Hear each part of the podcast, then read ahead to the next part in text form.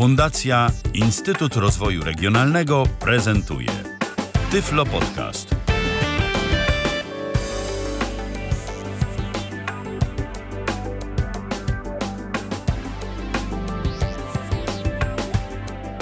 Dobry wieczór w kolejnym Tyflo Podcaście. Witam serdecznie.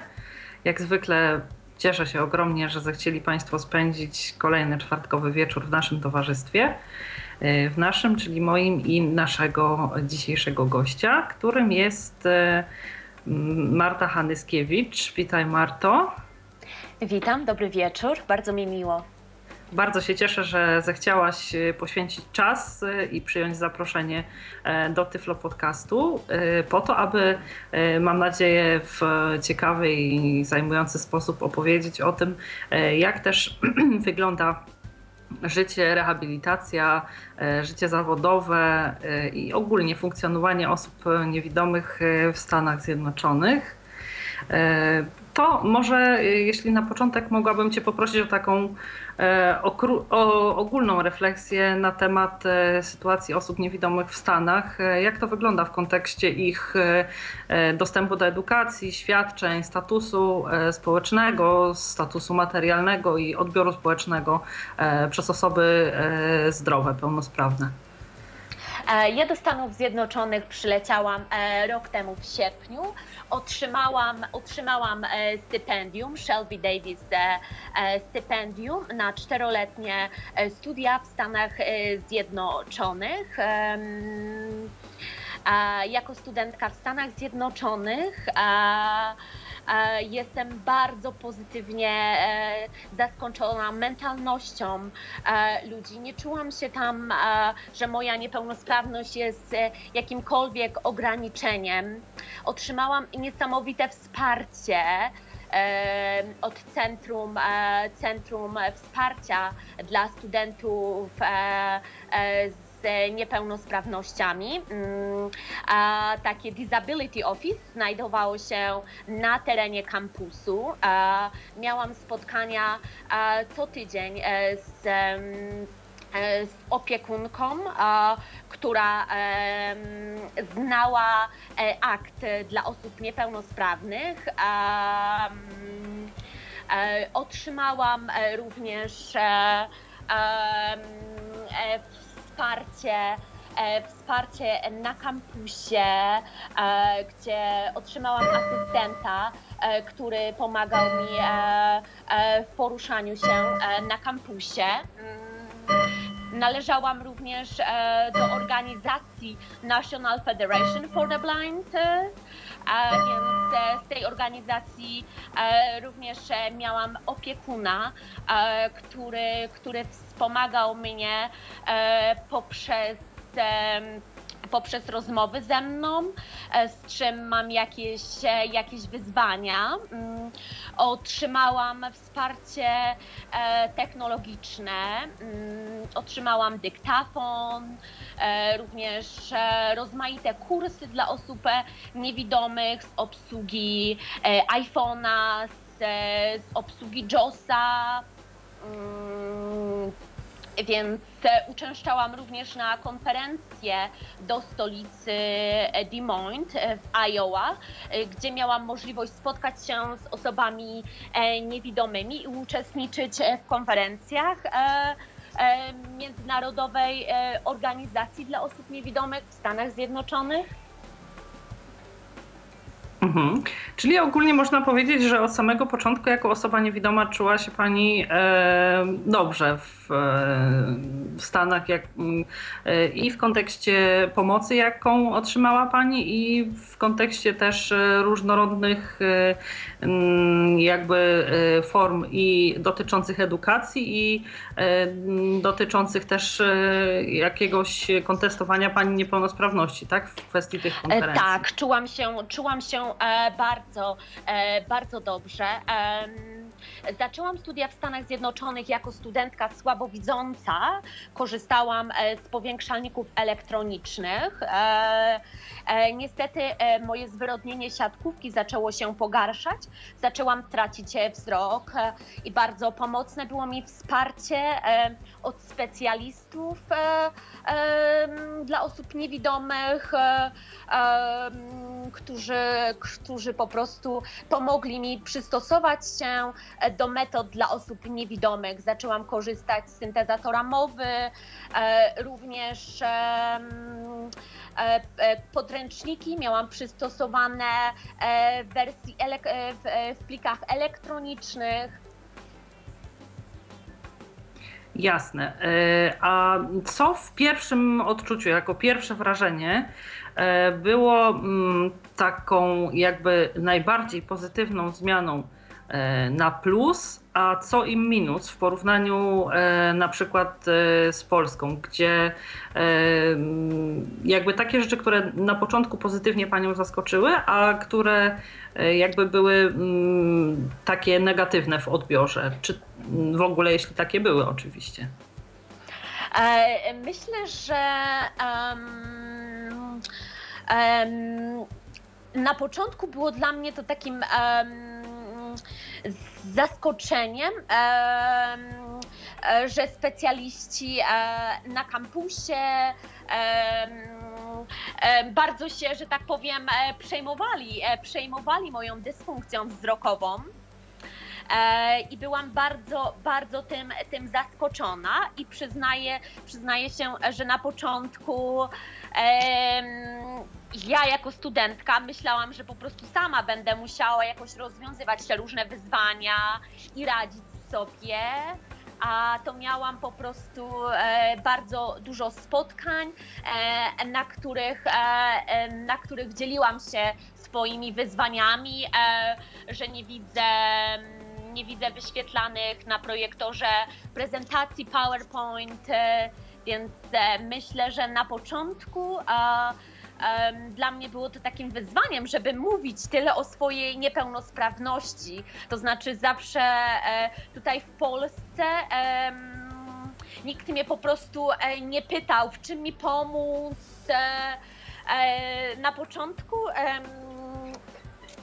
na początku to ja musiałam, że tak powiem, otworzyć się i e, dać sobie pomóc, że tak powiem.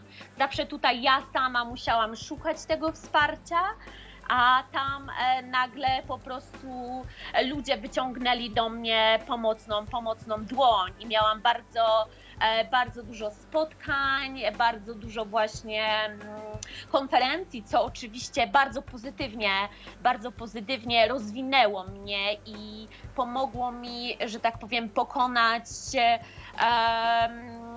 różne, że tak powiem, trudności związane z moją dysfunkcją wzrokową. Jasne. Później... To ja jeszcze, ja jeszcze tak? Ci, Jalu, wejdę w słowo, bo dodam tylko tyle, że zanim jeszcze podałaś e, nasze namiary kontaktowe tak naprawdę, już się pierwsze pytania pojawiają, e, więc e, w związku z tym przeczytam. Pierwsze pytanie Rafał do nas napisał, a Rafał zadał pytanie następujące. Witam, mam pytanie. Czy jeżeli w Stanach Zjednoczonych ma się orzeczenie o niepełnosprawności, to operatorzy telefonów udzielają jakiejś zniżki? Takie właśnie było pytanie od Rafała. Ja nie, e, nie, nie korzystałam z żadnych e, zniżek i e, nie sądzę, żeby korzystali, żeby osoby niewidome korzystały z jakichś zniżek. W Stanach Zjednoczonych wszystkich obywateli traktuje się, traktuje się równo i osoby też niewidome nie chcą mieć więcej przywilejów niż powinni mieć. Tam, że tak powiem, niepełnosprawność, że tak powiem, e, nie jest, niepełnosprawność jest traktowana, bo każdy jest traktowany po prostu, e, e, są prawa i każdy jest traktowany na równi z mhm. innymi obywatelami. Jasne, dziękujemy bardzo Panie Rafale za pytanie. E, to ja tutaj jeszcze e, pozwolę sobie, zanim przejdziemy już do tego szczegółowego omawiania e, poszczególnych zagadnień związanych z rehabilitacją i funkcjonowaniem osób niewidomych w Stanach, pozwolę sobie przypomnieć sposoby kontaktu z nami, a można to robić na dwa sposoby. Po pierwsze poprzez komunikator Skype na tyflopodcast.net, a także pod stacjonarnym numerem telefonu 123 834 835. Bardzo serdecznie zapraszamy do kontaktu. To mm, może porozmawiajmy przez chwilę o kwestiach związanych z edukacją. E, w tej edukacji takiej e, na poziomie powiedzmy mm, szkoły tej podstawowej, e, jak, jakie formy edukacji są e, preferowane? Czy to jest, e, e, czy są w Stanach w ogóle tego typu szkoły jak ośrodki specjalne, czy też szkoły specjalne dedykowane właśnie dla osób niewidomych, czy też bardziej opiera się to na szkołach z klasami integracyjnymi lub też na nauczaniu indywidualnym? Jak to wygląda? A, a mianowicie tak, w każdym stanie w Stanach Zjednoczonych jest ośrodek e, dla osób niewidomych. E, są to takie ośrodki rehabilitacji, gdzie dzieci e, uczą się poruszania z białą laską, otrzymują, otrzymują rehabilitację, również rodzice otrzymują rehabilitację, jak jak e, mieć po prostu pozytywne podejście e, do zmagań się z niepełnosprawnością mm, dziecka. Mm, są również ośrodki specjalistyczne, ale są one bardzo nieliczne. Mm, głównie są to szkoły integracyjne i nauczyciele, nauczyciele wspomagający. Czyli ja tutaj pozwolę sobie doprecyzować. Te e, ośrodki, o których e, Pani mówiła, e, to są mm, ośrodki takie, w których jakby jest tylko ten kontekst obsługa w kontekście niepełnosprawności, gdzie można uzyskać poradę, rehabilitację, jakiś kurs orientacji czy coś takiego, a nauka jako taka odbywa się w szkołach e, z klasami integracyjnymi, tak? Tak, zgadza się, tak, zgadza się. Tak. A jak wygląda kwestia, jeśli chodzi o e, szkolnictwo wyższe? Tutaj e, chciałabym spytać, e, mm, jak wygląda z dostępnością szkolnictwa wyższego? Czy wiele osób niewidomych studiuje, sporo jest osób niewidomych studiujących w Stanach? Czy też jeszcze druga jakby część pytania, czy w jakikolwiek sposób państwo wspiera osoby mm, niewidome w trakcie ich E, już e, edukacji na poziomie wyższym. Bardzo, bardzo wiele osób niewidomych studiuje i, i, mówi się tam też, że każdy praktycznie zawód osoba niewidoma może wykonywać, jest to możliwe. Musi się tylko nauczyć się sposobu, że każda osoba niewidoma może to zrobić, tylko po prostu może to zrobić inaczej. Ehm, i e, że materiały są przystosowane e, w preferowanym formacie albo w brailu, albo elektronicznie. I bardzo wiele stypendium e, przyznawanych są dla osób niewidomych w Stanach Zjednoczonych. A to tutaj jeszcze dopytam, mówiąc o materiałach w formacie E, dokumentów elektronicznych lub brajlowskich.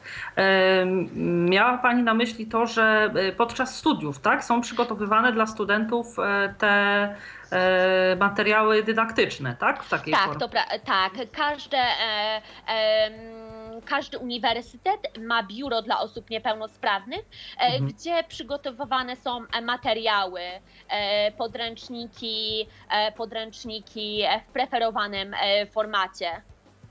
E, jak to wygląda w praktyce? Załóżmy, że pani jako studentka jest zainteresowana e, wejściem w posiadanie jakiegoś podręcznika.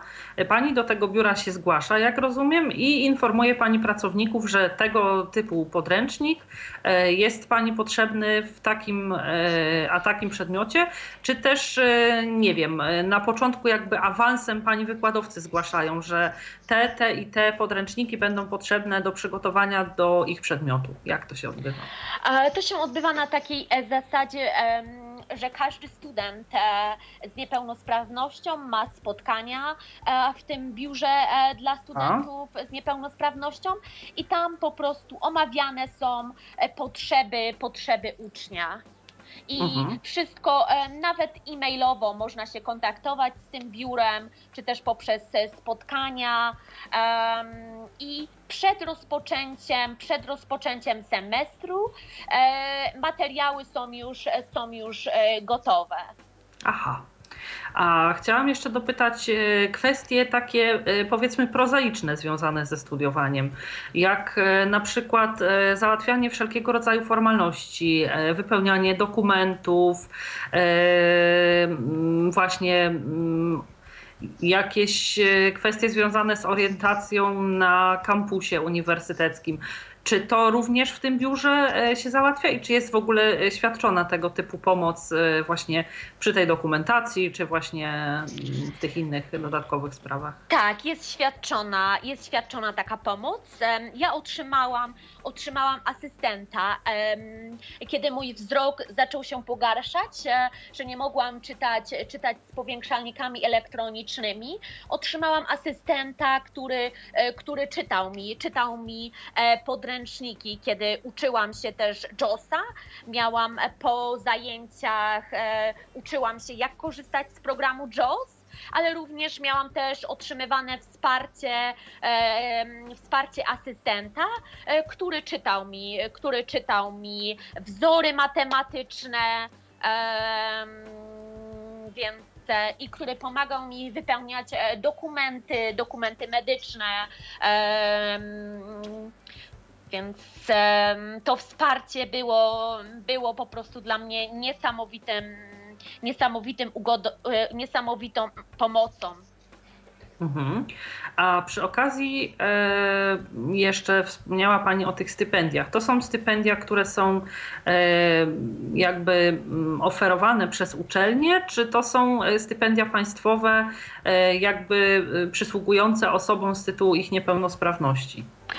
E, są to, są to stypendia państwowe, ale, ale również stypendia też, e, które oferuje, które oferuje uczelnia. E, mhm. Są to też również stypendia z organizacji dla osób niewidomych. Naprawdę w Stanach Zjednoczonych jest bardzo wiele organizacji i fundacji, mhm. od których można otrzymać e, stypendia. Ja również otrzymałam, otrzymałam takie stypendium na czteroletnią naukę e, w koledżu, ale również kiedy miałam, e, miałam przerwy, że tak powiem przerwy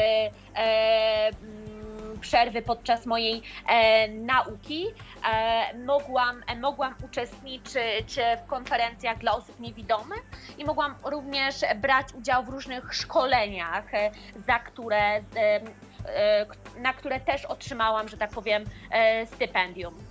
Mhm.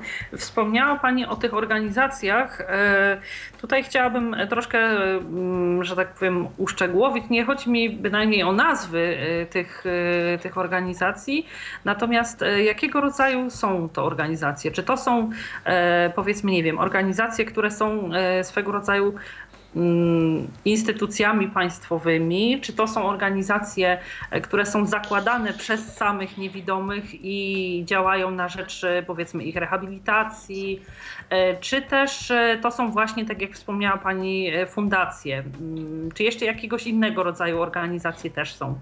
Jak to wygląda? Wygląda to w taki sposób, że są to instytucje państwowe, pozarządowe. Mhm tak. E, instytucje, instytucje, instytucje państwowe. Mhm. Również, e, również biznesmeni też e, przysługują stypendia dla osób niewidomych. Aha, czyli prywatne osoby są fundatorami, tak?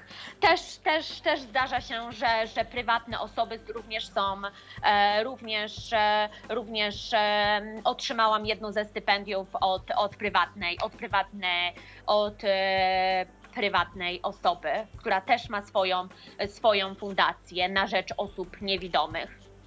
Jasne. To teraz chciałabym popytać e, już o kwestie takie związane bardziej z rehabilitacją. E, na jakie, na jakie formy pomocy może w Stanach liczyć osoba niewidoma mm, już poza tą edukacją, powiedzmy w życiu codziennym.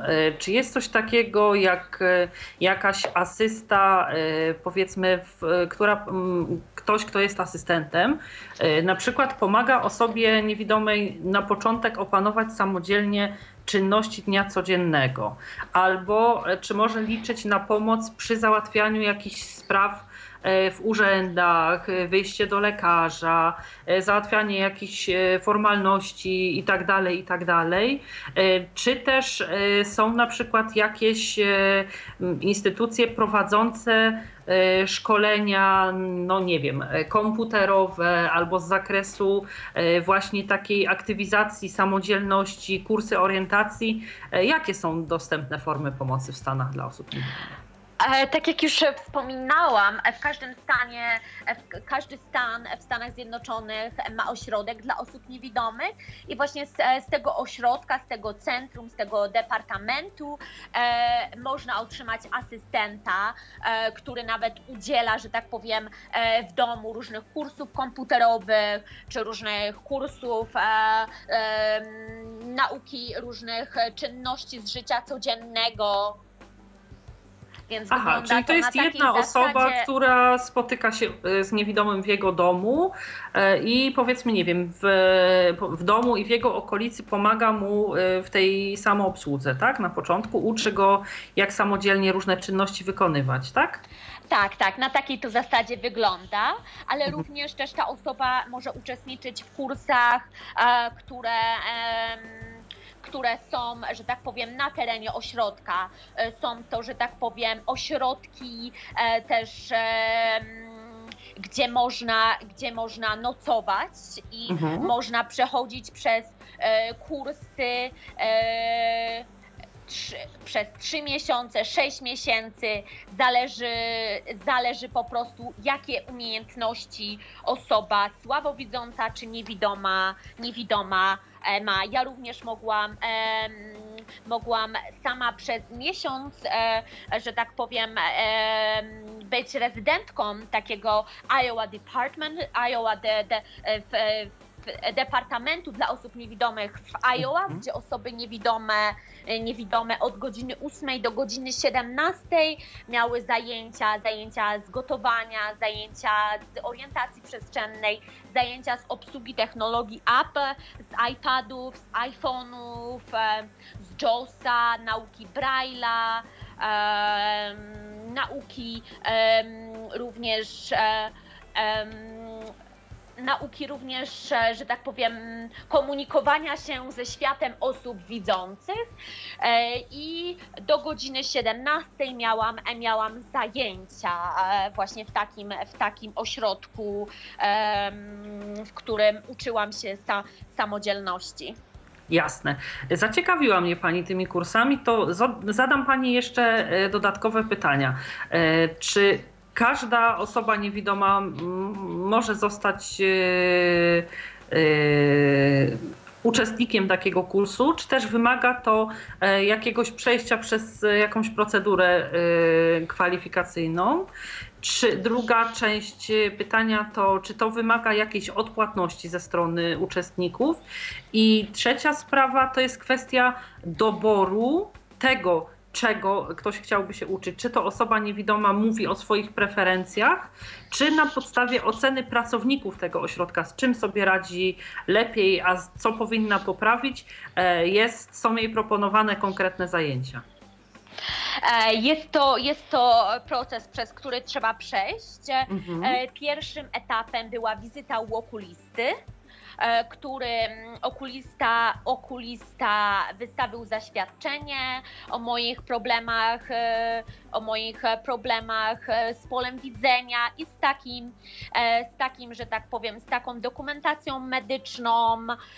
Moja dokumentacja medyczna została wysłana do, do fundacji, do, mam z tej fundacji swojego opiekuna i e, już, że tak powiem, wszystkie dokumenty ten opiekun z tej fundacji e, pomógł mi po prostu e, wypełnić, tak? wypełnić, tak. Nawet, e, nawet transport, transport miałam zagwarantowany bo mój college znajdował się dwie godziny od tego ośrodka. Aha. E, więc e, w taki sposób e, są to kursy dla, dla obywateli Stanów Zjednoczonych, tak, tak. ale jako studentka, jako studentka mogłam również uczestniczyć, uczestniczyć w tych kursach. Aha. Więc miałam niesamowite, niesamowite szczęście, że mogłam, że mogłam uczy, uczyć się od osób, e, od osób niewidomych w Stanach Zjednoczonych, ich mentalności i takiego bardzo pozytywnego e, nastawienia.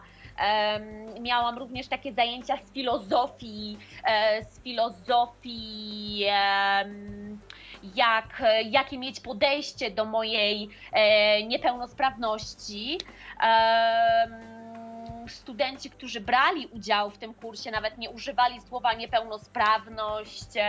E, po prostu dla mnie było to, że tak powiem, na początku takim szokiem, że oni nie skupiali się na ograniczeniach, tylko na, na pozytywach po prostu. Na możliwościach, tak? Na możliwościach, tak, właśnie, tak. A chciałam zapytać, y, jeszcze zanim dopytam o to, y, na jakiej zasadzie jest dobór poszczególnych kursów, tak? to chciałam zapytać o osoby uczące, jakby osoby prowadzące poszczególne kursy. Czy to są osoby niewidome, czy również osoby widzące? Jak to wygląda? E, są to osoby niewidome i są to osoby, są to osoby widzące, ale jeśli jest to osoba widząca, to taka osoba musi przejść przez kurs w opasce, musi uczyć się poruszania e, z białą laską, musi mieć podstawy w brailu, więc jeśli są to osoby widzące, to również muszą, e, muszą wiedzieć, e, muszą mieć jakieś pojęcie, oprócz ich tak, tak. wykształcenia, tak. muszą mieć pojęcie, co to znaczy być osobą niewidomą. Jasne. A jak wygląda kwestia właśnie doboru poszczególnych kursów? Czy to zależy od preferencji osoby, która chce zostać uczestnikiem konkretnego kursu, czy właśnie na etapie e, tej e, procedury kwalifikacyjnej e, ktoś rozmawia na zasadzie poradnictwa, że może taki a taki kurs oferowany byłby dla Pani dobry, przydatny, wskazany, czy jak to wygląda? Tak, jest to. Odbywało się to e, poprzez, poprzez e, poradnictwo, poprzez rozmowy z okulistą, e, z dyrektorką niewidomą, panią tego ośrodka, mhm. ze wszystkimi nauczycielami i też brano pod uwagę to, że po prostu chcę studiować, potem będę chciała pracować, więc przy doborze tych różnych kursów brano pod uwagę, jakie zajęcia e, są, są mi najbardziej potrzebne. Więc najwięcej zajęć miałam, e, zajęć komputerowych, e, poruszania się z białą laską, więc jest to, jest to brane, są brane pod uwagę, że tak powiem, potrzeby uczestnika kursu. A mam takie pytanie, czy e, w jakichkolwiek e, podobnych kursach e, brała Pani udział w Polsce, czy, bo jeszcze w międzyczasie mieszkała Pani w Norwegii, była to już na tyle odległa historia, że wtedy jeszcze nie potrzebowała Pani ani kursów komputerowych, ani orientacji, ani e, żadnych podobnych? E, to znaczy, dla porównania. E, dla, dla porównania już e, w gimnazjum e, musiałam e, zacząć korzystać z z lub, z lub, więc już tutaj, już tutaj w Polsce zaczęłam, zaczęłam, zaczęłam kursy z programu powiększającego ZoomText. Tak. Aha, jasne. E, chciałabym teraz e, porozmawiać przez chwileczkę, bo już e, trochę mm, mamy no, mgliste, ale też jakie mogłoby być, jeśli nie doświadczamy sami tylko z opowiadań, pojęcie o tym, jak wygląda ta przynajmniej wstępna rehabilitacja osób niewidomych i ociemniałych. Zatem przez chwilę chciałabym porozmawiać z Panią o kwestiach związanych z zatrudnieniem. Czy generalnie osoby niewidome e, w Stanach chętnie podejmują zatrudnienie, czy też jest to zależne od miejsca, w którym mieszkają, od wieku i stopnia zrehabilitowania? E, na pewno zależy to od stopnia, od stopnia zrehabilitowania, mm, mhm. ale osoby bardzo, bardzo chętnie, bardzo chętnie e, pragną być być zatrudnieni e, i bardzo ważna jest dla nich edukacja. Mogą nawet, że tak powiem, konkurować z osobami widzącymi, więc miałam też okazję poznać prawników, więc no dla mnie to po prostu e, było niesamowite, że osoby, dla nich nie było żadnych ograniczeń. Więc mhm. i tak również tak jak oś, każdy ośrodek, e, e, również te spotkania, które ja również też miałam przydzielonego opiekuna od rehabilitacji, on również poprzez spotkania ze mną jest taki plan, że poprzez moją naukę z tych spotkań e, e, mój opiekun opowiadał mi o tym, że po prostu po edukacji jest taki plan, czym osoba niewidoma chciałaby się zajmować, gdzie by chciała pracować, więc też te ośrodki pomagają, że tak powiem, odkrywać zainteresowania i osiągnąć różne cele, które osoba niewidoma e, pragnie osiągnąć. Czyli sporządza się taki jakby plan rozwoju, tak? Poprzez tak, edukację plan. aż do pracy, tak? Tak, tak. Taki plan, plan e, rozwoju, tak.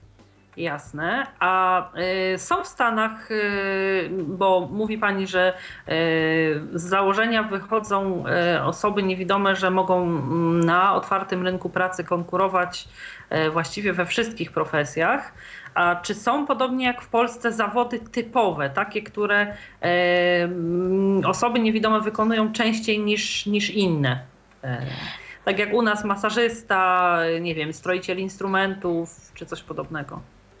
Ja nie spotkałam się z tym i na konferencjach, e, na konferencjach z osobami niewidomymi e, nigdy, że tak powiem, nie padło coś takiego, że zawód masażysty jest e, dla osób niewidomych.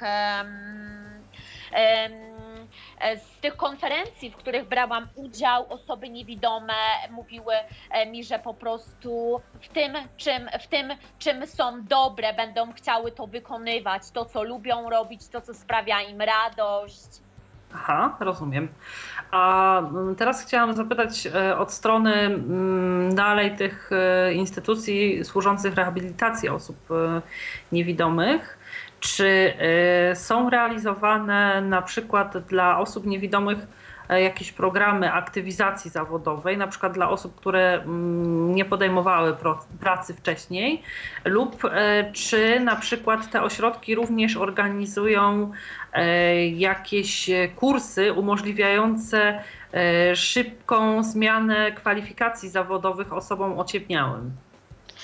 E, tak, e, miałam nawet sama okazję poznać osoby, osoby ociemniałe, które musiały przystosować się i brały udział w kursach, e, bo chciały kontynuować, chciały, chciały ponownie, ponownie e, pracować. Więc e, poprzez te ośrodki osoby ociemniałe otrzymują taką rehabilitację, która jest im niezmiernie potrzebna. E, a to jest rehabilitacja, która uczy e, tych ludzi, jak wykonywać dotychczasowe zajęcie e, po utracie wzroku, czy mająca na celu zmianę ich kwalifikacji zawodowych na przykład na inną profesję? Osoby, które, osoby niewidome, e, ociemniałe, które, które poznałam, e, poznałam w tym ośrodku, e, były, były uczone, jak nauczyć się innego sposobu wykonywania mhm. tego, co dotychczas robiły. Aha. Poznałam tam panią, która, która była księgową i jej wzrok zaczął się pogarszać. To była uczona takich metod, żeby mogła wykonywać ten sam zawód, żeby mogła przezwyciężyć te ograniczenia. Jasne. E, to myślę, że tyle w kwestiach e, zatrudnienia. Jeśli oczywiście ktoś e, z Państwa, naszych szanownych słuchaczy, ma jakieś dodatkowe pytania w tej kwestii, to zachęcamy i serdecznie zapraszamy do kontaktu z nami. Przypomnę, że można to robić na dwa sposoby. Po pierwsze, poprzez komunikator Skype na tyflopodcast.net a także pod stacjonarnym numerem telefonu 123 834 835. To porozmawiajmy chwilę o technologiach i udogodnieniach. E, chciałabym zapytać, e, jak wyglądają e, kwestie na przykład udźwiękowienia obiektów, na przykład jeśli chodzi o windy albo e, udźwiękowienie e, komunikacji no, autobusowej, kolejowej w miastach. Jak to wygląda? Wygląda to, wygląda to w taki sposób. Na moim kampusie w budynkach były windy e, oznakowane e, e, w brailu, udźwiękowione. Również w miastach komunikacja, komunikacja miejska również udźwiękowiona. Na lotnisku otrzymałam asystenta. Mhm. więc, że tak powiem, e, nie miałam, nie miałam e, żadnych wyzwań z poruszaniem się po kampusie, również w innych, w innych miastach. Bardzo wiele osób, bardzo wiele osób niewidomych porusza się w małych miejscowościach, również w dużych miastach. Mm, więc jeśli tylko, e, jeśli tylko są jakieś wyzwania, wtedy są te wyzwania zgłaszane do ośrodków czy fundacji, które po prostu przystosowują wsparcie dla osób e, niewidomych. Jasne. A jak wygląda e, kwestia z e, mm, oznakowaniem, e, czy też ułatwieniami w kontekście orientacji w różnego rodzaju obiektach? Nie wiem, oznakowania brajlowskie, makiety, na przykład, nie wiem, możliwość dotykania obiektów w muzeach. Jak jest z tą dostępnością takich placówek użyteczności publicznej? Są one, są, one, są one przystosowane dla osób niepełnosprawnych. E, można, można dotykać e, różne makiety, więc nawet, nawet na zajęciach e, moi profesorowie, że tak powiem, przygotowywali różne makiety i również, również w sklepach, w każdym sklepie są asystenci asystenci, którzy, którzy pomagają, e, pomagają osobom e, niepełnosprawnym. Aha. E, to teraz porozmawiamy przez chwilę o dostępności kultury i sztuki. Czy mm, to znaczy, jak wyglądają kwestie takie jak na przykład audiodeskrypcja w Y, spektakli teatralnych, y, filmów, czy jest w ogóle coś takiego praktykowane w Stanach.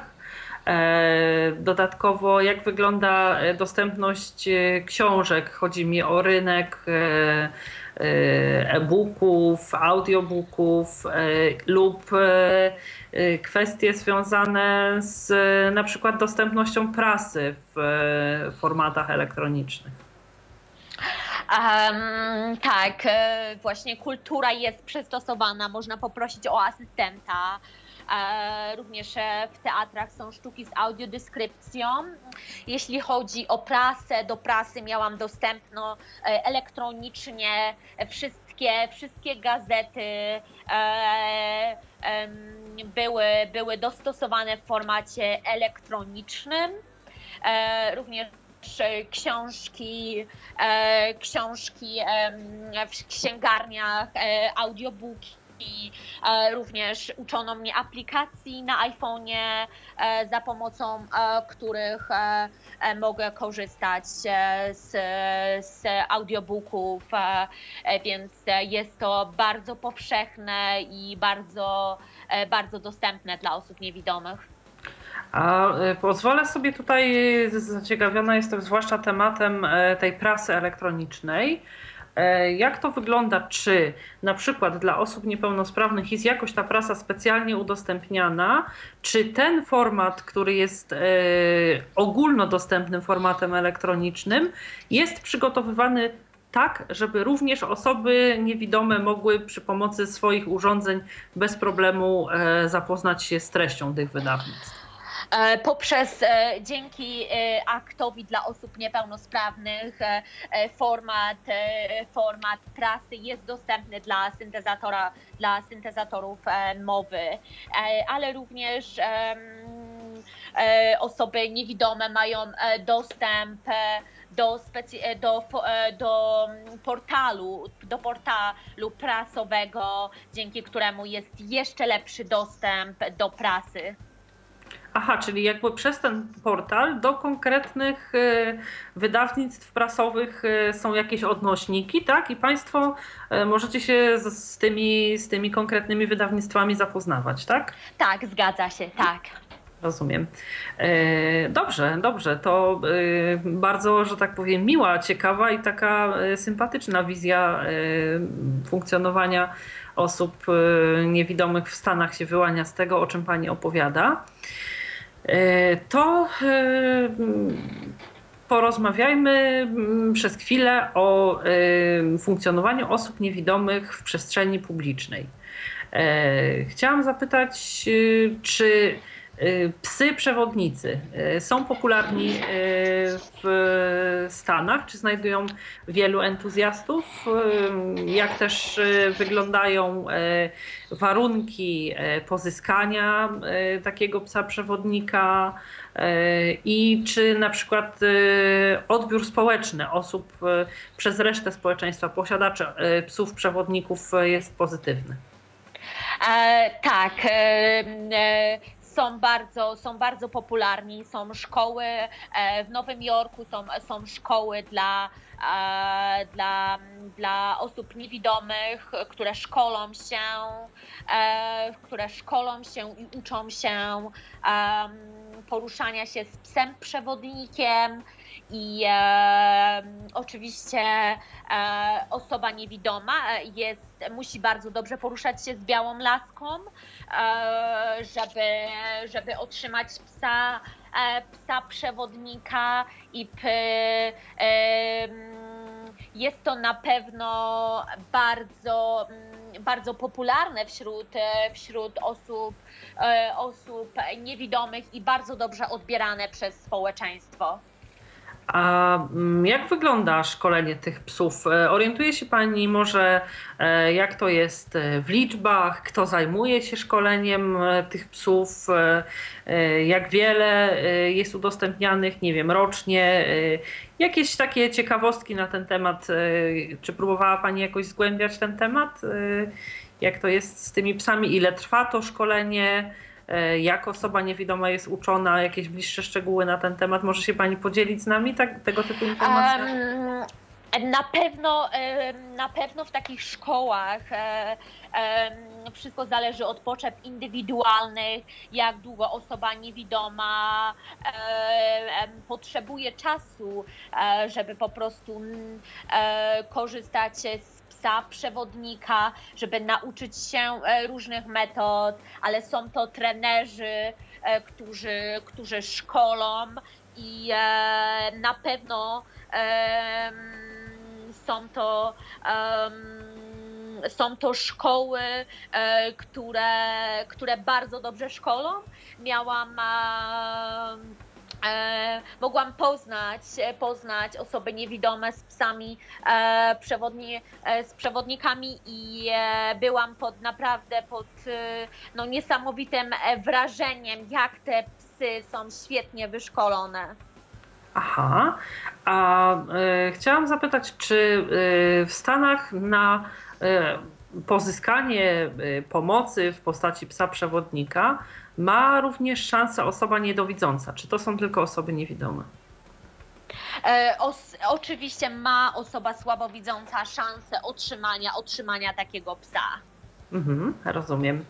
E, czy trzeba, e, aby zostać mm, no nie wiem, opiekunem, tak, posiadaczem, to może nie tak e, trochę brzmi, psa przewodnika, e, trzeba spełniać jakieś konkretne warunki, na przykład czy trzeba być osobą e, aktywną zawodowo, trzeba mieszkać, nie wiem, w dużym mieście albo spełniać konkretne warunki lokalowe, czy to też bierze się pod uwagę, orientuje się Pani?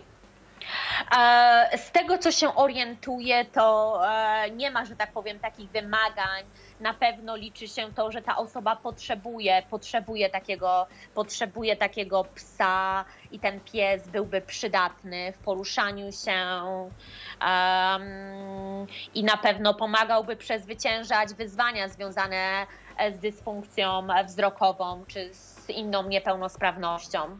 Mhm. E, a Ale tam, tak?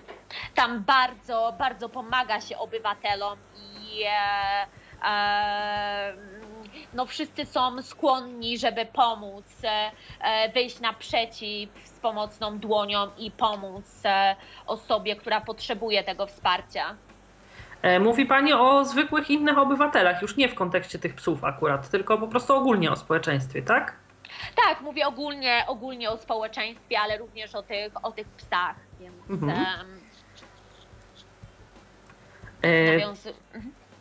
To y, teraz y, chciałabym zapytać o takie kwestie jak na przykład y, dostępność punktów gastronomicznych, obiektów sportowych, czy też centrów handlowych do, dla osób niewidomych. Czy na przykład w restauracjach, e, nie wiem, e, są dostępne strony, na których można się zapoznać z menu lub są wręcz menu brajlowskie, e, czy na przykład obsługa różnego rodzaju obiektów jest przeszkolona co do tego, jak powinna udzielać pomocy osobom niepełnosprawnym, czy na przykład w centrach handlowych można skorzystać z asysty pracowników podczas robienia zakupów. Jakie są Pani doświadczenia w tej materii?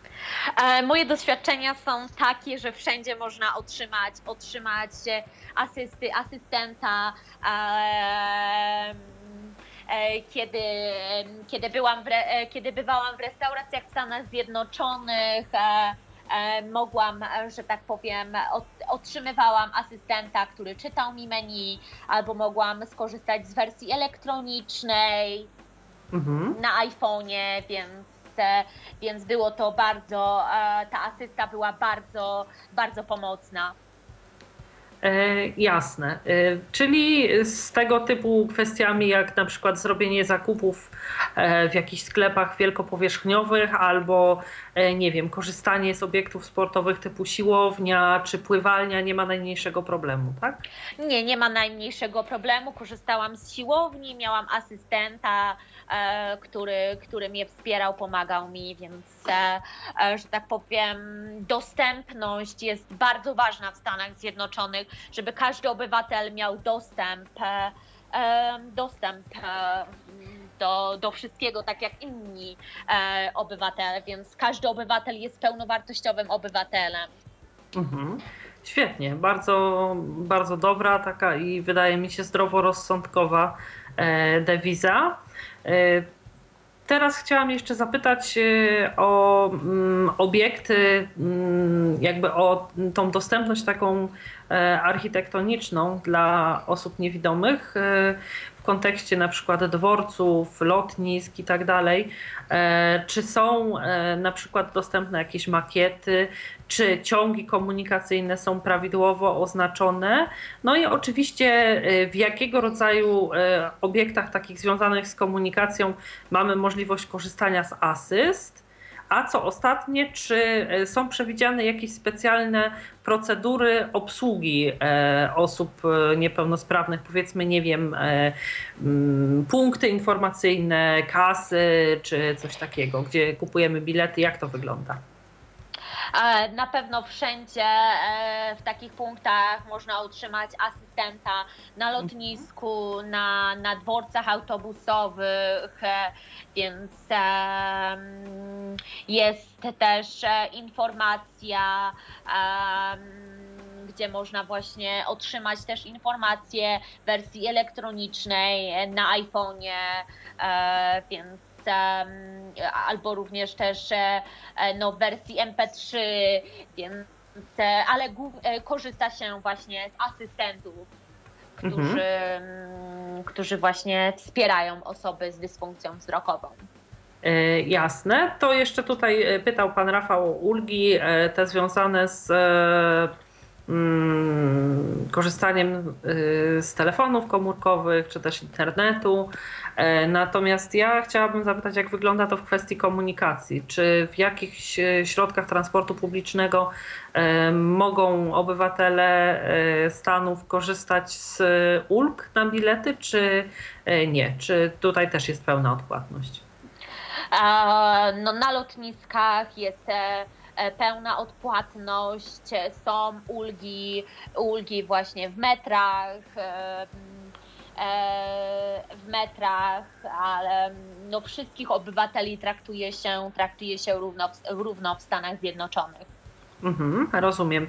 A chciałam jeszcze e, zapytać o taką kwestię, e, jak wygląda dostępność e, na przykład sprzętu, sprzętu komputerowego, czy na przykład optycznego lub rehabilitacyjnego? Czy państwo w jakikolwiek sposób e, wspiera e, zakup, czy też, e, nie wiem, wypożycza, refunduje zakup tego typu sprzętu? Chodzi mi właśnie o telefony, komputery, sprzęt optyczny, jakieś powiększalniki, okulary, laski i tym podobne kwestie.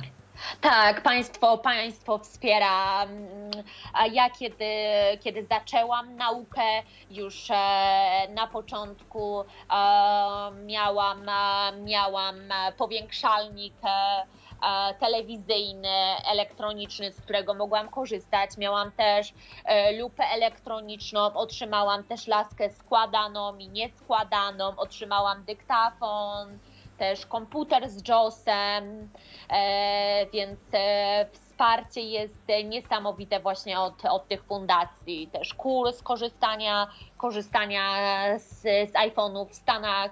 E, w Stanach osoby niewidome korzystają z technologii Apple, z mhm. iPhone'ów, z iPadów. MacBooków Więc jest to, jest, tak, z MacBooków jest to bardzo, jest to bardzo dostępna i popularna technologia w Stanach Zjednoczonych i z JOSa, syntezatora mowy JOS. Jasne. A chciałam zapytać, na jakich zasadach się odbywa e, ta pomoc? To są jakieś programy celowe, które e, państwo organizuje jakby odgórnie, e, czy na przykład osoba niewidoma zgłasza się do tych ośrodków, które działają w ramach konkretnego stanu i tam, i tam ktoś razem z nią y, jakby na zasadzie poradnictwa czy orzekania jakoś klasyfikuje, na jaką pomoc może liczyć i, i co tak jakby mm, jej y, przysługuje. Każda osoba w Stanach Zjednoczonych ma swojego, swojego opiekuna od rehabilitacji i właśnie z tym opiekunem tym poprzez rozmowy z opiekunem. Ten opiekun e, rozmawia z osobą niewidomą e, czy z osobą właśnie z różnymi dysfunkcjami. I e, ten opiekun pomaga wypełnić dokumenty i właśnie poprzez, poprzez instytucje czy właśnie programy rządowe otrzymywany jest ten sprzęt potrzebny. Aha, czyli nauki. ten opiekun jest takim jakby swego rodzaju reprezentantem osoby niewidomej w trakcie ubiegania się o wszelkiego rodzaju jakieś kursy, udogodnienia czy też pomoc, tak? Tak, tak. Ja nie musiałam żadnych dokumentów wypełniać.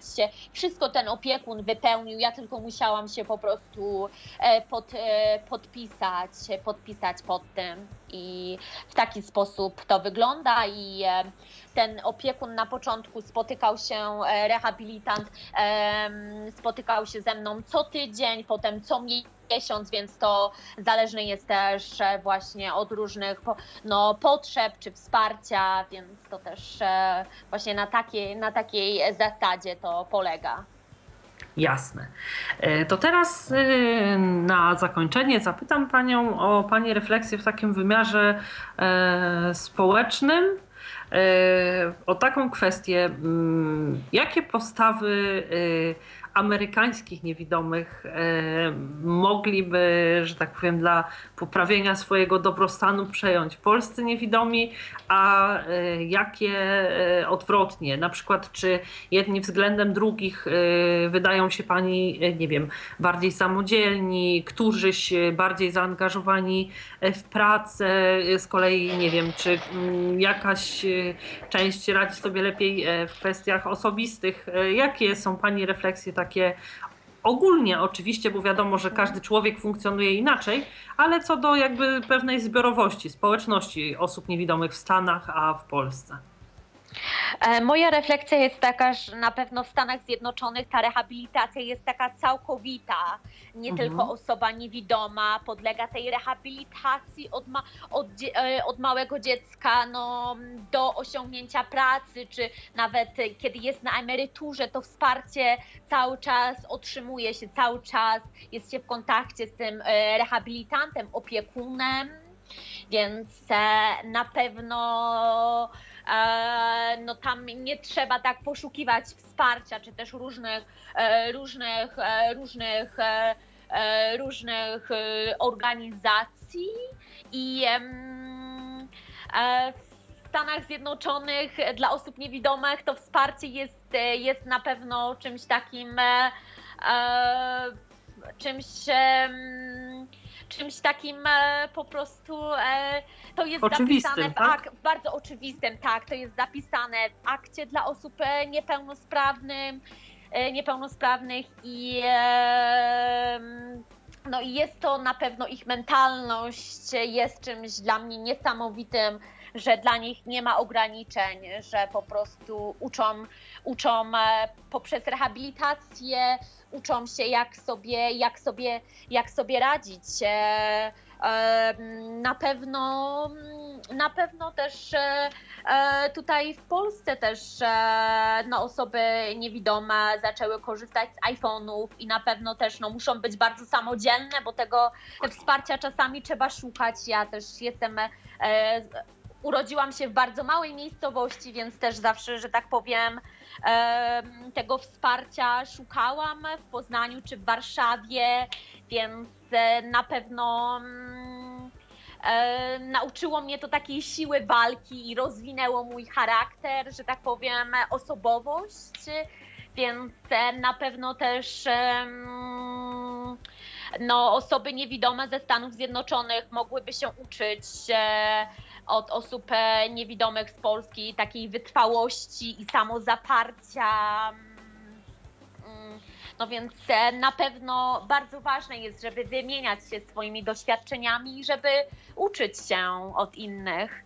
Każdy Jasne. zawsze od każdego może się czegoś pozytywnego i dobrego nauczyć. Ależ oczywiście.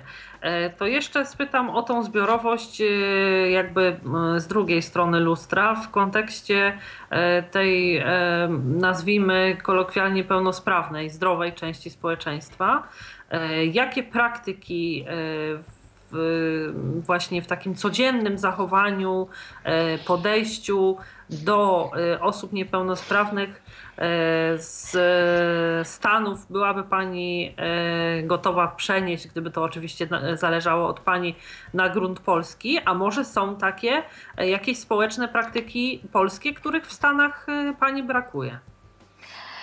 Na pewno w Stanach osoby widzące nie widzą, kiedy spotykają się z osobą niewidomą, że tak powiem, nie skupiają się na białej lasce, dla nich liczy się osobowość, e, e, a nie biała laska, że tak powiem. Czyli to jest przede wszystkim człowiek, a dopiero później człowiek niewidomy, tak? Tak, to prawda, to prawda. Mm, e, jako studentka jeszcze e, nigdy nie spotkałam się, e, moi przyjaciele, znajomi, czy też e, profesorowie na kampusie jakoś nigdy, nigdy nie mówili do mnie, że jestem osobą niewidomą, tylko po prostu Martą, więc nie skupiali się na mojej niepełnosprawności.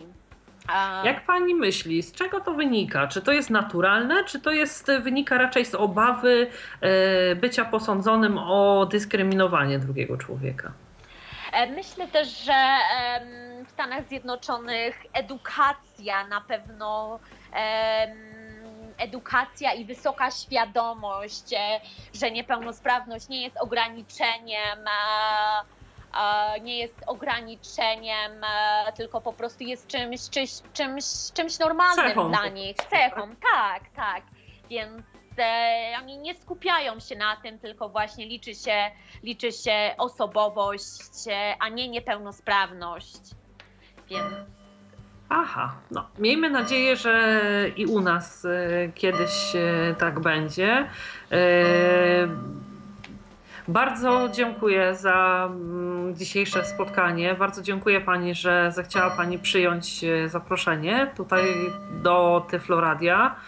Życzę dużo zdrowia i mm, powodzenia i w studiowaniu, i w ogóle przyjemnego dalszego pobytu w Stanach. Bardzo dziękuję za udział w dzisiejszej audycji. Ja również bardzo dziękuję za zaproszenie. Było mi bardzo miło. Bardzo dziękuję. Dziękuję ślicznie. A przypomnę Państwu, że e, moim i Państwa gościem dziś była pani Marta Hanyskiewicz i opowiadała o tym, jak też niewidomym wiedzie się e, w Stanach. E, cóż, Nasz podcast dzisiejszy dobiega końca, zatem e, w imieniu naszego dzisiejszego gościa i swoim oczywiście e, życzę przyjemnego wieczoru i zapraszam e, do słuchania kolejnych przygotowywanych przeze mnie podcastów w Tyfloradiu. Kłaniam się i do usłyszenia. Ala Witek. Był to Tyflo Podcast. Pierwszy polski podcast dla niewidomych i słabowidzących. Program współfinansowany ze środków Państwowego Funduszu Rehabilitacji Osób Niepełnosprawnych.